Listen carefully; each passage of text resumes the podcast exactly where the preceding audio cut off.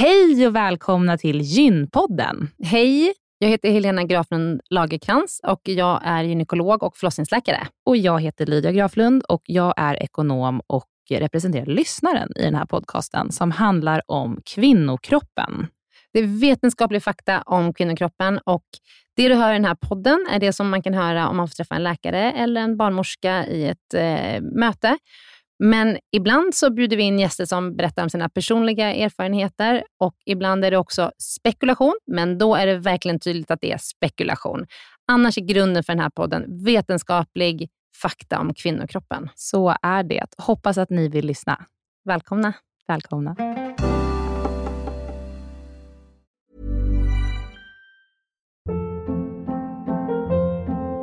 Hold up. What was that? Boring. No flavor. That was as bad as those leftovers you ate all week. Kiki Palmer here, and it's time to say hello to something fresh and guilt-free. Hello Fresh. Jazz up dinner with pecan-crusted chicken or garlic butter shrimp scampi. Now that's music to my mouth. Hello Fresh. Let's get this dinner party started. Discover all the delicious possibilities at hellofresh.com.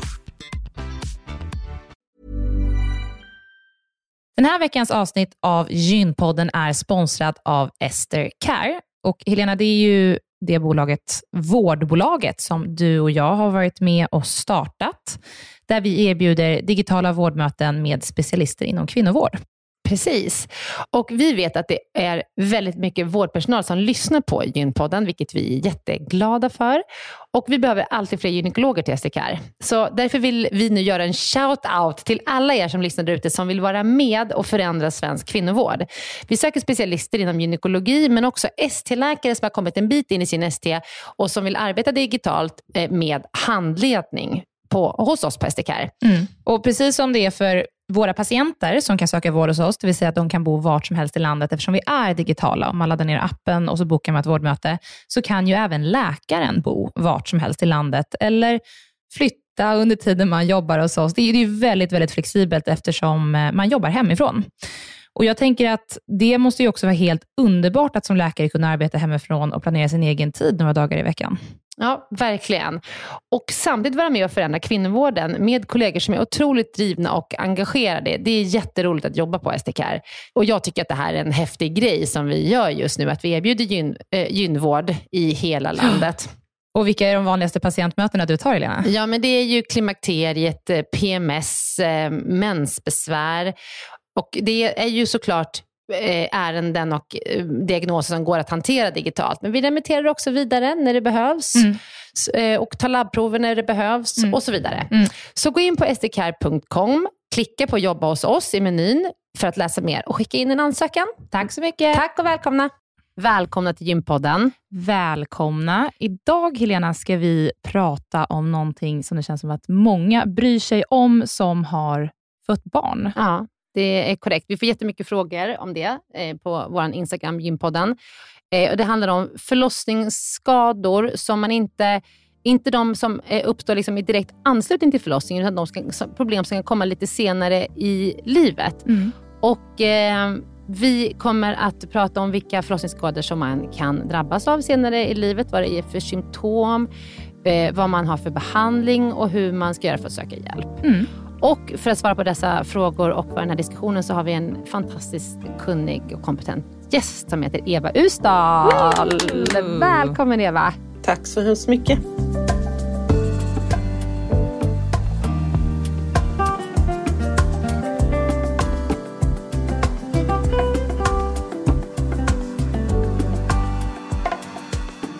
Eva, du är överläkare inom gynekologi och förlossning och du forskar väldigt mycket inom just det här området med förlossningsskador. Mm, det ska bli det superintressant att prata med dig om det här, Eva. Det, det känns som att det inte är så många som kan så mycket om det här området. Att ni, ni är inte så många, stämmer det?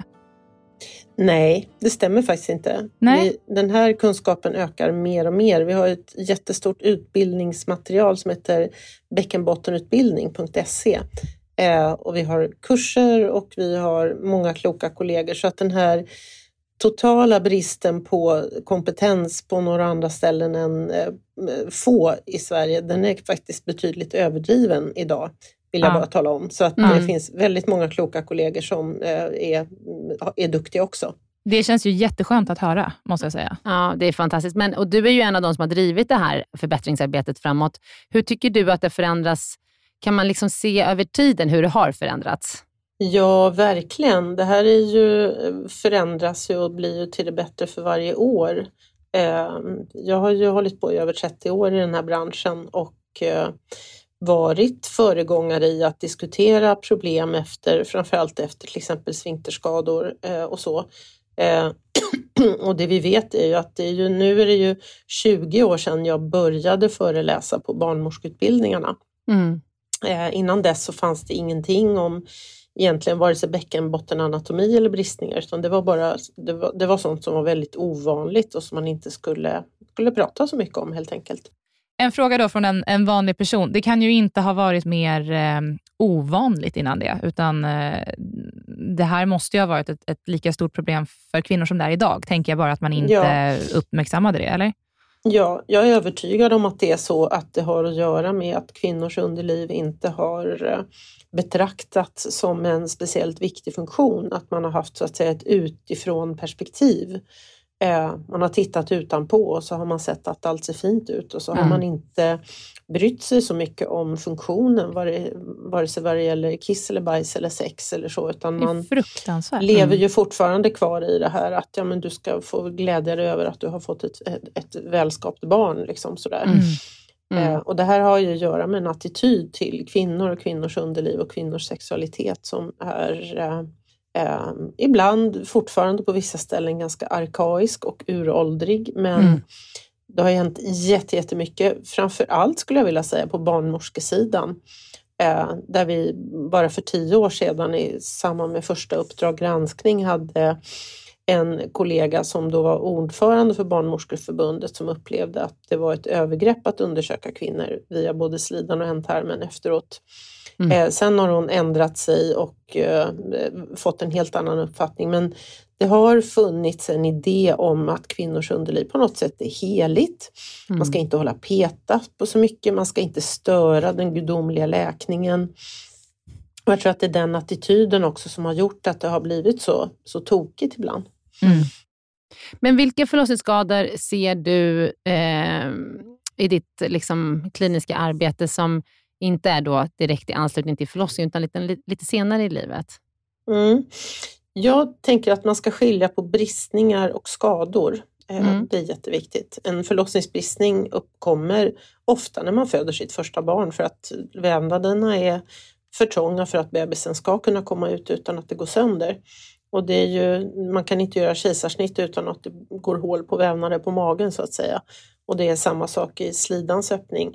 Men om vi inte hittar och inte lagar eller rehabiliterar de här förlossningsbristningarna, det är då det blir förlossningsskador. Mm. Eh, Så jag vill verkligen skilja på det, för annars tänker man åh, 8 av 10 får förlossningsskador och det stämmer ju inte alls.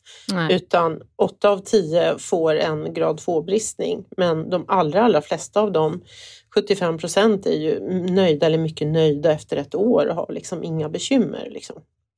Just det. Men de som får förlossningsskador, vilka är de vanligaste symptomen som man söker för? Det, man kan säga att det är lite olika tidsperspektiv på det här. Eh, under det första året så handlar det en del om att man har svårt att känna muskulaturen. Man är, kan känna sig öppen och vid och liksom inte riktigt ha koll på knipmuskulaturen. Sen sker en ganska mycket läkning och rehabilitering och nerverna växer tillbaka och det är liksom mycket som faktiskt blir mycket bättre under det första året. Men de kvarstående skador som man ser om man har en, till exempel en, haft en bristning där man inte har riktigt hittat mellangårdens muskulatur eller om man har en, en djupare inre skada, det är ju att man kan ha en vidhetskänsla, Mm. eh, att, det, kän- att man känner sig stor eller öppen vid samlag, eh, att man har svårt att använda tampong eller menskopp för att det rinner bredvid eller det ramlar ur för att det, anatomin är förändrad inne i slidan. Eh, nedsatt känsel vid sex, att man känner att det är, ja, man, man vet inte ens om, om, om den är inne så att säga utan det kan vara eh, en känsla av att man verkligen inte, inte har koll på hur det känns där nere. Mm. Eh, sen finns det en rad andra symptom också som eh, eh, urinläckage, urininkontinens, men det är ju en definitionsfråga om man ska kalla det för en förlossningsskada eller om det så att säga är följd av, eh, följd av livet. Det blir värre efter förlossning men det finns också många andra orsaker till ansträngningsläckage än bara, än bara, bara förlossning så att säga. De första skadorna som du pratade om, vad, hur, hur vanliga är de? Det vet inte vi. Eh, därför att det finns ju ett mörkertal i det här. Jag ser ju jag, jag, skulle kunna, utifrån min mottagning så kan jag säga att ja, 100 procent liksom. Men så är det ju naturligtvis inte i verkligheten utan jag har ju en, en, eh, liksom en, en skev bild av verkligheten för att jag träffar ju kvinnor som har bekymmer. Mm. Sen finns det ju oändligt många kvinnor där ute som inte har några bekymmer överhuvudtaget. Men det är därför också som bristningsregistret som jag har startat är så viktigt därför att där kan vi faktiskt säga att om man har haft en grad 2-bristning, en så att säga en citat vanlig förlossningsbristning då, så är det eh, tre av fyra har inga bekymmer efter ett år och mår bra, har ingen inkontinens och funkar bra vid samlag och så vidare. Så att någonstans kanske 25 procent av de som får, får förlossnings, större förlossningsskador har eh, kvarstående bekymmer så att säga. Mm. Och det är då, vi har ju poddat om bristningar tidigare. Är det då från de som har fått grad 3 och 4 som man brukar prata ifrån, att 25 procent av dem? Nej, eller? utan det här är både grad 3 och 4 men även grad 2. Okay. Eh, för att det vi ser märkvärdigt nog det är ju att de kvinnor som har fått en bristning grad 3 och 4, det vill säga en skada på ändtarmsmuskulaturen, de har nästan lite bättre resultat efter ett år. Eh, och det vet vi inte riktigt varför det beror, vad det beror på, men det kan vara det att man sys på operation, man tar dit lite, kanske lite högre kompetens, man kanske är mera noggrann när man syr. Eller också så är det bara som så att det är, det är olika typer av skador så att säga. Men det är som sagt alla, alla de här bristningarna från ja, grad 2, 3 och 4, där ser man ungefär 3 av 4 är nöjda eller mycket nöjda efter ett år. Mm. Förbättras de där eh, sista, eh, efter ett år är ändå en relativt kort tid, men förbättras mm. det ytterligare mm. sen om man kollar på fem års sikt eller så? Eller behöver det, man... vet, det vet inte jag. Nej. Nej. Det fin, finns ingen sån forskning, finns inga sådana register. Än. Än? Mm. Nej, mm. precis.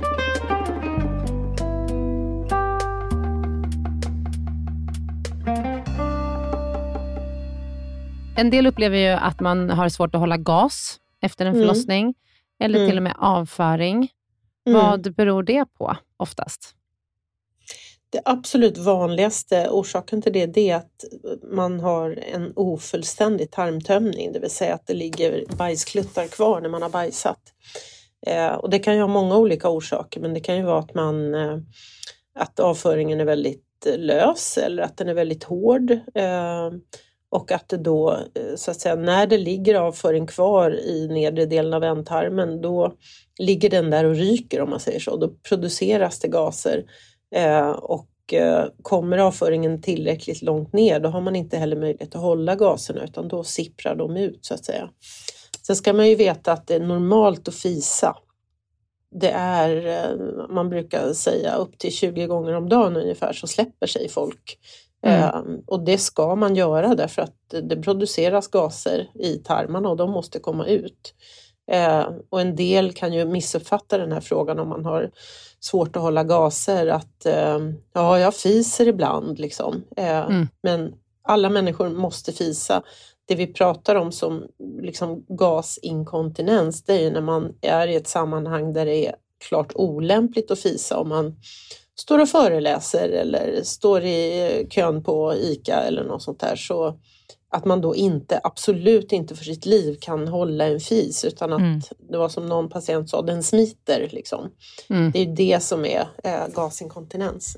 Och vad beror det på? Eh, om man då har den, liksom, det problematiken, den problematiken att, det, att de smiter? Det är oftast att man som sagt inte har en eh, Eh, man har inte en fullständigt tömd tarm utan att man har, när avföringsklutten kommer tillräckligt långt ner, då öppnar sig sfinktermusklerna eh, mm. reflektoriskt så att säga. Då ska man inte kunna hålla en fis utan då, då glider det ut. Så den bästa uh, behandlingen mm. för det är liksom eh, att um, reglera avföringskonsistensen så att man tömmer på ett bra sätt? Ja, det skulle jag säga. En vanlig orsak också som jag vet många kvinnor eh, lider av, det är det här att man, man tänker inte att det är så viktigt att man ska gå och bajsa. Mm. Utan man eh, tänker att åh nu är jag bajsnödig men jag vill inte bajsa på jobbet och tänk om någon kommer efter och tänk om det luktar. Liksom. Mm. Surprise, det luktar när man har bajsat. Liksom. Mm. mm. Eh, och att man då tänker att ja, men jag, jag bajsar sen eller jag bajsar när jag kommer hem. Och det som händer då det är att man får en ofullständig tömning därför att när man får den här tarmtömningsreflexen som många kvinnor får kanske en eller två gånger per dag eller så när man har druckit kaffe eller ätit lunch eller så. När man går på toa då, då får man en hjälp av hela muskel och nervsystemet i mag-tarmkanalen och då får man då är det mycket större chans att man får en fullständig tömning. Medan om man liksom ignorerar tarmens rop på att nu måste du gå och bajsa och tänker att jag ska bajsa hemma, då får man, dels så får man en retrograd peristaltik, det vill säga att tarmen börjar jobba med oj, oj, oj, det ska inte vara ett avföring här nere i tarmen. Och då börjar tarmen jobba åt andra hållet och så jobbar övre delen av tarmen fortfarande neråt och då blir, får man en sån här ballongmage, att mm. man blir alldeles uppsvälld och gasig. Så. Eh, och sen så får man ju inte den tarmtömnings... Det, det, funkar inte att gå och sätta sig och bajsa. Och då måste man krysta och måste man krysta då ökar man risken för framfall. Man tänjer ut slidväggarna och det är liksom bara allmänt jätte, jättedåligt att inte gå och bajsa när man blir bajsnödig. Okej, okay, så det, alltså det här tar vi med oss som ett handfast råd. Gå och bajsa mm. när signalen att du ska gå och bajsa, gå och bajsa. Håll inte liksom in tills du kommer hem. Det är ju superviktigt och väldigt mm. handfast råd. Mm. Men, och, och, då tänkte jag Eva, på, på liksom nästa steg som vi brukar fråga är också då, så här, har du eh, avföringsinkontinens, alltså läcker avföring? Och då tycker jag otroligt många kvinnor säger att, att de läcker avföring för att det liksom är lite avföring i trosorna. Men oftast är väl det inte att man egentligen har en avföringsinkontinens, utan att man har kanske hudflikar runt eh, analöppningen. Är det din uppfattning också? Nej, det är Nej. inte min uppfattning. Nej. För hudflikar runt analöppningen, det är jätte, jättevanligt, framförallt mm. om man har haft hemorrojder i samband med eh, eh, förlossning eller graviditet och så. Mm. Det som är vanligt däremot, det är att man har en ofullständig tömning, att man har en liten klatt kvar i ändtarmens allra nedersta del. Och då utlöses det nämligen en reflex som säger till ändtarmsmusklerna att de ska slappna av. Och då får vi det som kallas för soiling eller på svenska kladd i brallan. Liksom. Mm. Eh, att det rinner ut lite och det får man inte om man, har, om man bajsar ut en hel korv och det är tomt i tarmen. Utan soiling kan bara uppträda om du inte har lyckats bajsa klart.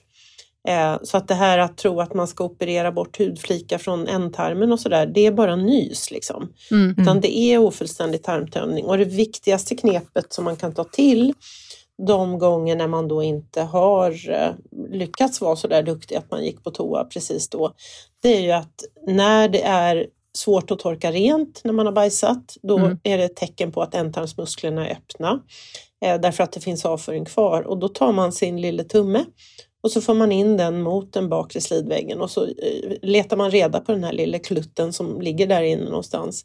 Och så bara puttar man ut den och så krystar man lite och så kommer den ut. Det är det som Via kallas för tum, tum, mm. tumtricket. Ja, precis. Man håller via slidan. Man ska inte in i ändtarmen och gräva för det blir, en, det, det blir jättefel.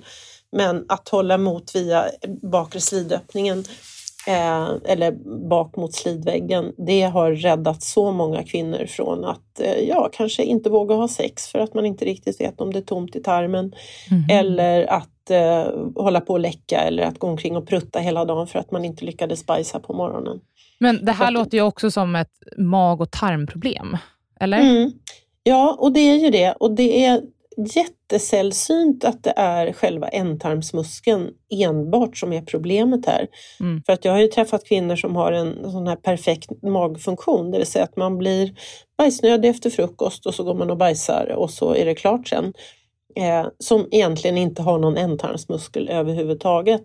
Mm. Och, men ändå inte har några läckage. Och sen så finns det ju kvinnor som inte har fött barn, inte har fött barn vaginalt utan fött med kejsarsnitt som fortfarande har problem med gasläckage och avföringsläckage.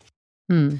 Men vad händer, om vi går tillbaka till eh, avföringsläckaget, eh, mm. vad, hur upptäcker man då om det är det man har problem med? Eh, förklara Mira, jag förstod Nej, inte jag menade att eh, först så, så pratade vi om det här, om det blir lite liksom i trosan som Helena pratade om, eller att man trodde kanske att det hade med någon flik att göra. Men det, det mm. var ju då inte någon sorts avföringsinkontinens egentligen, det är väl det vi kommer fram till. Mm. Hur liksom mm. upplever man avföringsinkontinensen då? Man bajsar på sig. Ja, ehm, och då, då är det liksom alltså, ordentligt? Eller, eller så här, jag menar, hur kan man avgöra, om man, om man till exempel är det gränslandet som Helena pratar om, hur kan man avgöra om mm. man har en avföringsinkontinens eller om det är mer det här andra problemet vi precis har pratat om? Ja, men mm. exakt. Mm. Um, det tror jag man, hur ska man säga, jag, jag, jag tänker att det vet man. Uh, alla som har varit väldigt, väldigt lösa i magen någon gång uh, och haft eh, typ matförgiftning eller så vet ju att man kan faktiskt inte riktigt hålla sig mm. därför att magen tar i. Liksom. Yeah. Eh, och då vet man ju att man har bajsat på sig och det är samma sak om man har en, en stor ändtarmsmuskelskada. Då, då kan du inte hålla dig överhuvudtaget utan då rinner det liksom ut när mm. det kommer ner i tarmen. Mm. Vad kan man göra om man har problem med det men man inte har någon tid inbokad för att, eller man har kanske en tid inbokad för att, för att mm. behandla det här på något sätt, mm. men vad, vad kan man göra för att hantera det? Egentligen samma sak som vi pratade om tidigare med gå på toa när du är bajsnödig, se till att tarmen är tom. Eh, känn efter med fingret i slidan att det är tomt inne i ändtarmen så att det inte ligger någon klutt där. Eh, och, eh, för då en tom tarm läcker inte. Eh, det är skillnad i blåsan, där fylls det ju på med urin hela tiden så där mm. läcker man ju om man har problem med att hålla där. Men tarmen är ju sån att den avföringen kommer ner i en tarmen kanske en eller två gånger per dag om man har lite tur.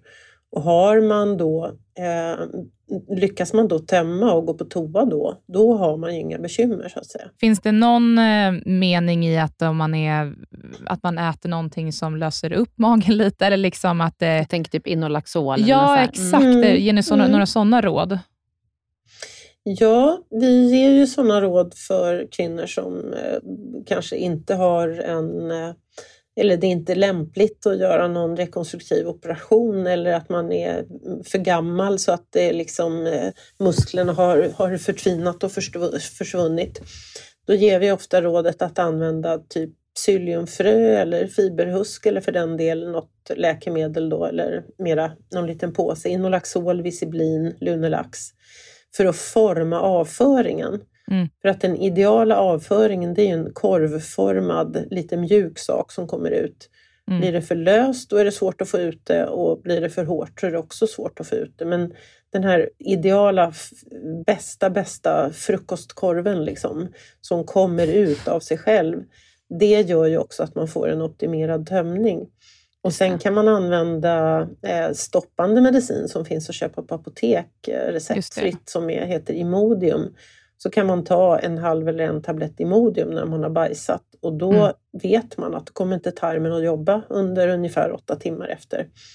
Och det är den typen av konservativ behandling som vi ofta rekommenderar då om man har, om man har de här bekymren. Liksom. Hej, jag Ryan Reynolds. På Mint Mobile, we like to do the opposite of what Big Wireless does. They charge you a lot we charge you a little. So naturally, when they announced they'd be raising their prices due to inflation, we decided to deflate our prices due to not hating you.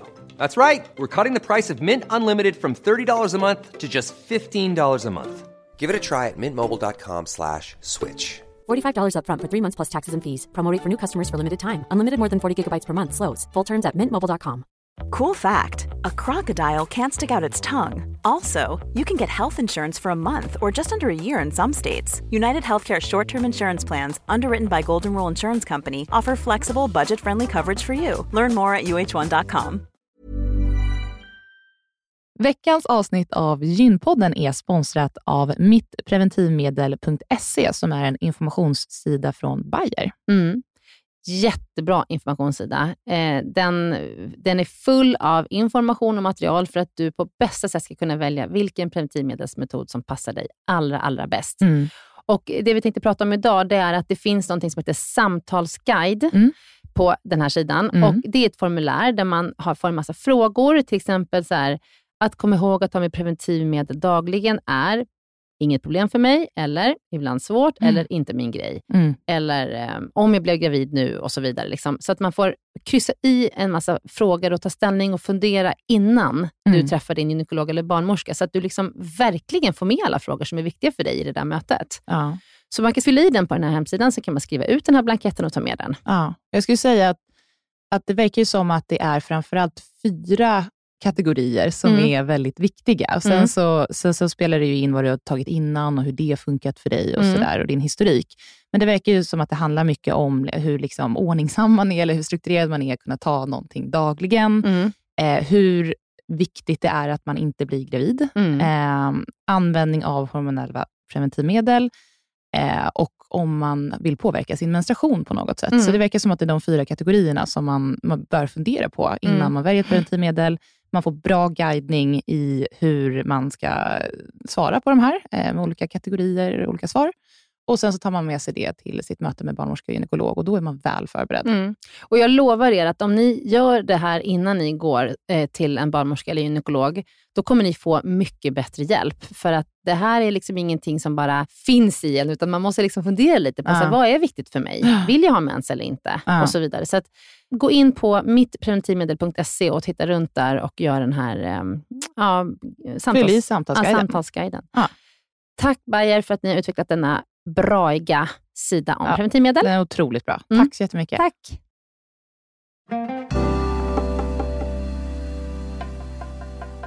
Hur ser en, en operation för avföringsinkontinens ut?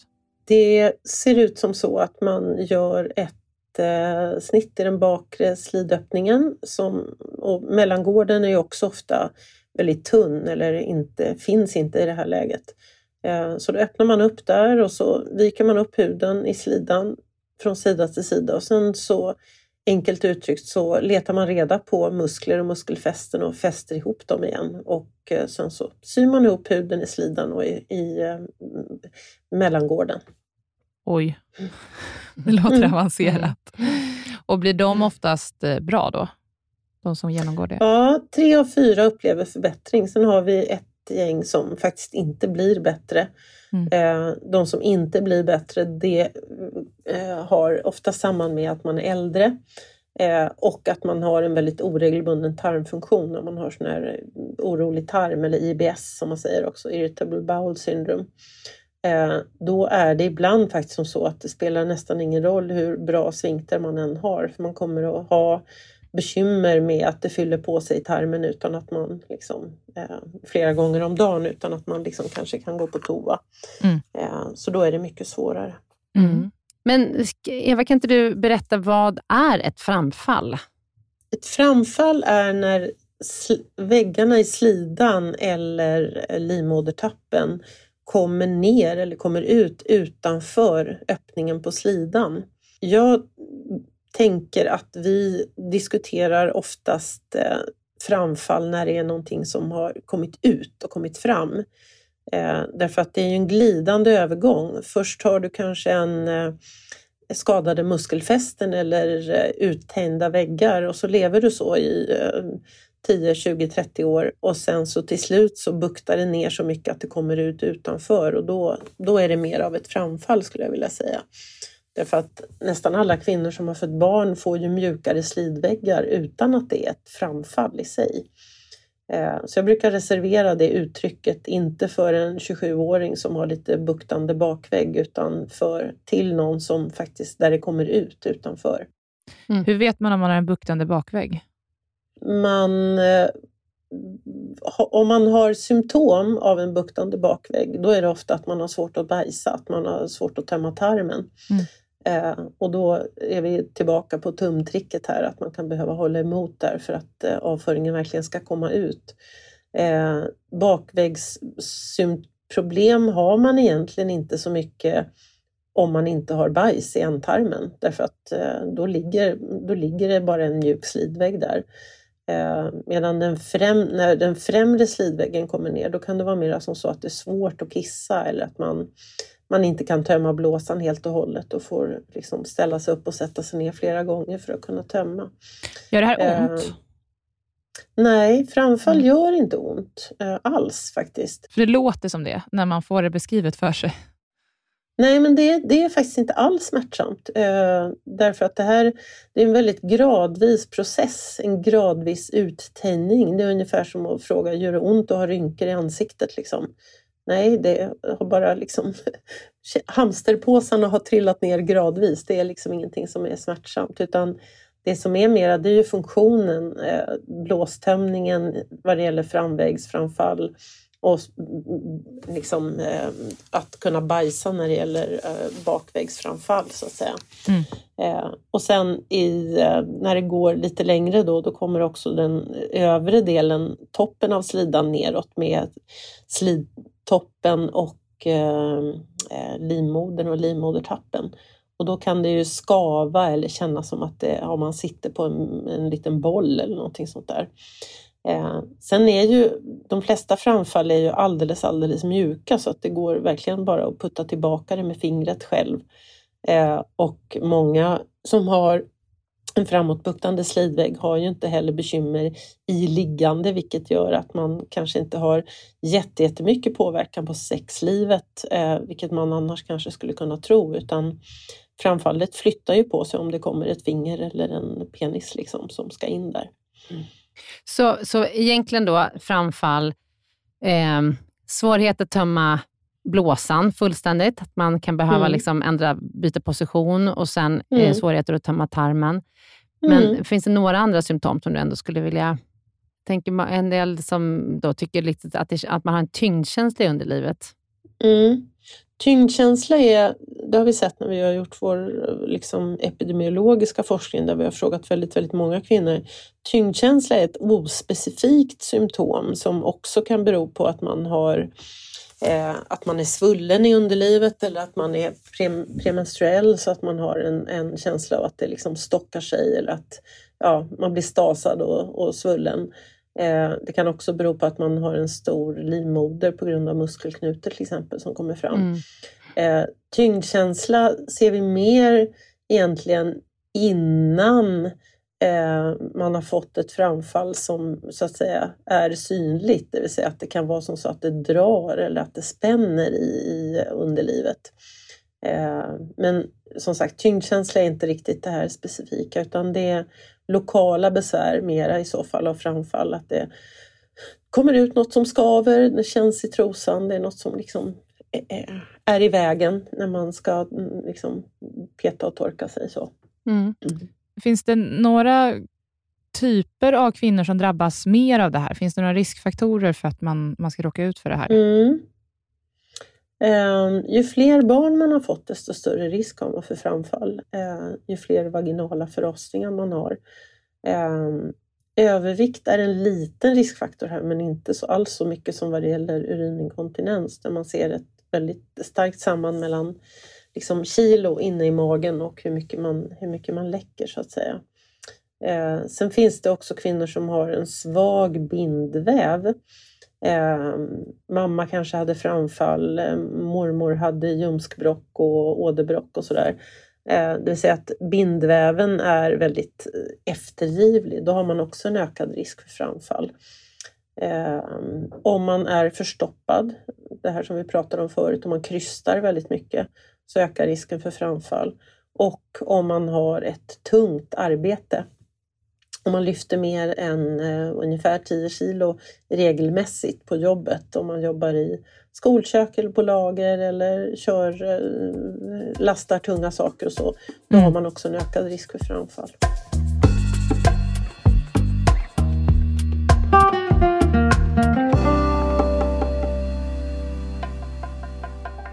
Vilken ålder brukar man generellt sett få mm. framfall? Är det, jag antar att det är större risk om man är äldre och föder barn. Eller, det här är ju också det som kommer sen, kan komma senare, eller hur? Mm.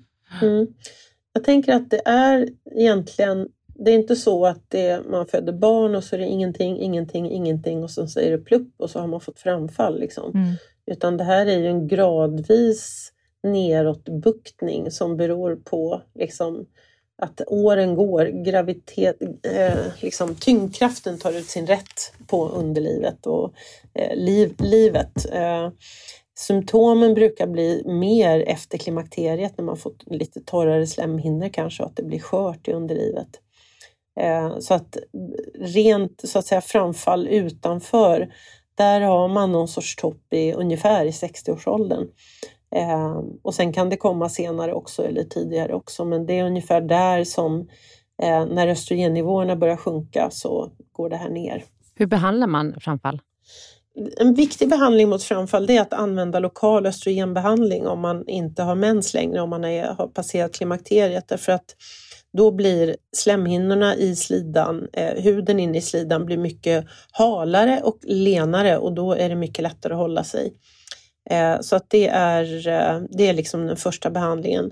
Sen kan man använda inlägg eh, som kallas för ring, prolapsring, som finns i massa olika storlekar och sorter som man för in som lägger sig som en liten livboj runt livmodertappen och håller upp den inne i lilla bäckenet och det känns inte alls när man har en sån.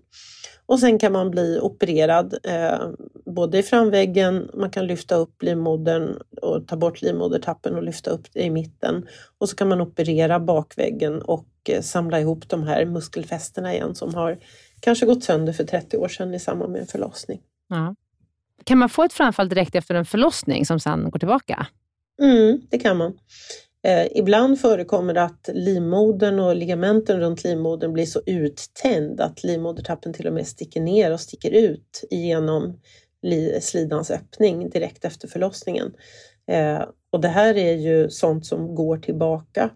Eh, ibland kan man till och med behöva använda en sån här ring under den första tiden efter förlossningen därför att vävnaderna har blivit så himla uttänjda. Mm. Eh, men eh, rent generellt kan man säga att om, om det är den typen av framfall, då är prognosen väldigt god. Mm. Eh, därför att de här, mm. ja, det gör det. Mm. Mm. Jag tänkte bara en sista fråga som mm. ändå så kommer upp lite ibland, speciellt i, kanske mer i grupper som har, liksom när man diskuterar mycket besvär, då kommer den här frågan om levatorskada upp. Vad är det? Levatorskada är, eh, en levator det, det betyder lyftare och det är egentligen ett samlingsbegrepp för alla musklerna vid sidan om slidan eh, som går också ner runt ändtarmen. Och där har vi, det finns olika typer av levatorskada. Eh, den allvarligaste formen det är när en del eller hela levatormuskeln på en eller båda sidor lossnar ifrån sitt fäste mot blygdbenet eller tarmbenet. Eh, och då blir det som en stor grop, det saknas muskulatur där. Sen finns det andra typer som är mera som en muskelbristning i själva muskeln och det kan läka. Det kan också vara en, en eh, liksom, saknad infästning av levatormuskulaturen mot mellangårdens muskelfästen. Eh, den här senaste sorten, det kan vi ju laga och det mm. hoppas vi att man i framtiden lagar direkt efter förlossning om man kan. Mm. Eh, eller eh, i samband med att man, eh, ja, att man kan göra det som en sekundär operation.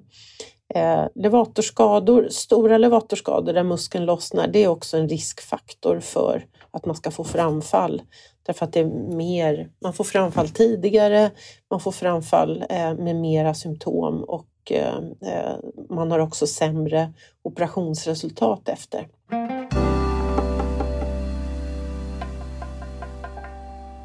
Ja, Eva, är det någonting mer vi behöver nämna om detta? Är det någon vanlig fråga du brukar få eller så, som du känner att du borde ta med? Uh, nej, jag vet inte. Det här jag funderar på det här med gasinkontinens. Mm. Där, eh, det är ju asviktigt vad man äter naturligtvis. Mm. Eh, och där, om man har svårt att hålla gaser så kanske man ska styra undan från lök och äpplen och, och bönor och eh, Eh, framförallt kikärtor och jordärtskockor är sådana här klassiska katastrofmaträtter för mm. någon som har svårt att hålla gaser. Eh, men det är ju lite mer, ja, det är lite sunt förnuft i det men mm. också att man inte ska använda så mycket fibrer. Eh, att fiberhavregryn eller fiberbröd kan göra att man faktiskt inte ens kan hålla sig därför att det driver på för mycket. Och då kanske det är Mm. bättre att minska fiberinnehållet i maten istället för Mm. att eh, tänka att åh, jag är förstoppad, jag måste äta mera fibrer. Just det. Mm. Bra Ja, tillägg. men, ja, jättebra Eva, tack. Det är så intressant att få prata med dig om det här. Lydia, vad, vad tänker du när du hör Eva berätta om de här Jag blir förlossningsskadorna? livrädd för att föda barn. Ja, men jag, jag, blir liksom, jag blir också orolig att folk ska bli rädda, men jag tänker också att för mig så inger det också så mycket hopp att det finns så mycket kunskap om det här. Ja. Känner du inte så Lydia? Jo, absolut. Och att man är glad att man inte födde barn när man inte ens eh, uppmärksammade de här områdena Nej. eller hjälpte kvinnor. Men jag blir också rädd. Mm. Jag har ju inte fått några barn. Nej, eh, och Ja, eh, här överväger man då, Mm. Mm. inte om man inte ska ha barn, men liksom, det, det är klart att det tänk om man blir någon av de där procenten Mm. som får livslånga skador. Mm. Och så hade man inga problem innan. Det är klart att det är någonting som ligger en nära i huvudet Mm. när vi pratar om det just. Mm. Har du någon Mm. reflektion där Eva? Ja, det finns ju inga garantier i livet eh, och det är ju extremt ångestväckande. Mm. Eh, ett, en graviditet, det är ett högriskprojekt. Det är, kroppen tar över och kan hålla på med en massa spännande saker som man inte alls hade räknat med och man kan få olika typer av sjukdomar, åkommor, komplikationer. Eh, och, och där tror jag att det, det är mer det här att på något sätt försöka lära sig hantera att livet är inte alltid så som man hade förutsett. Eh, och att ändå, ändå lita på att vården vill dig väl. Liksom. Mm. Eh, och det har hänt otroligt mycket bara de sista åren här med uppmärksamheten kring de här historierna. Men jag tror också att man måste på något sätt, man måste vara lite stoisk på något sätt och säga att det går nästan alltid bra. Blir det Mm. inte bra, ja men då får vi ta det då. Mm. Men att det ändå, jag tror inte man ska låta bli att skaffa barn för att det finns en, en viss procent som får en bristning. För det är, så vanligt är det inte med kvarstående skador. Nej. Och, eh, Och de allra kejsarsnitt- flesta är ju ja. som sagt helt välmåendes efter ett år. Ja men det är ju Och- det, man måste ja. komma ihåg det. Ja. Liksom. Och, det är och, inget och långt inget- innan ett år också skulle jag vilja säga. Det är bara att vi frågar efter ett år. Ja. Mm. Eva, tack så hemskt Ja, mycket. Det här har varit tack, superintressant. Och Jätteinformativt. tack för all den forskning och all den kunskap du har bidragit till inom det här området. Ja, tack Ja. själv. Ja, Kul tack att prata mycket. med er. Ja, Hej då. jätteroligt. Tack, hej då.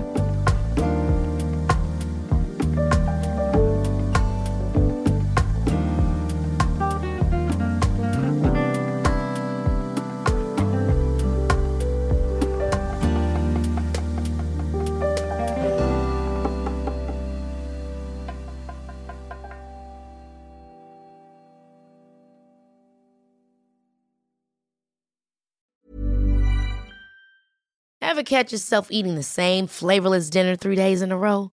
Dreaming of something better? Well, HelloFresh is your guilt-free dream come true, baby. It's me, Kiki Palmer. Let's wake up those taste buds with hot, juicy pecan-crusted chicken or garlic butter shrimp scampi. Mm. Hello Fresh. Stop dreaming of all the delicious possibilities and dig in at HelloFresh.com. Let's get this dinner party started.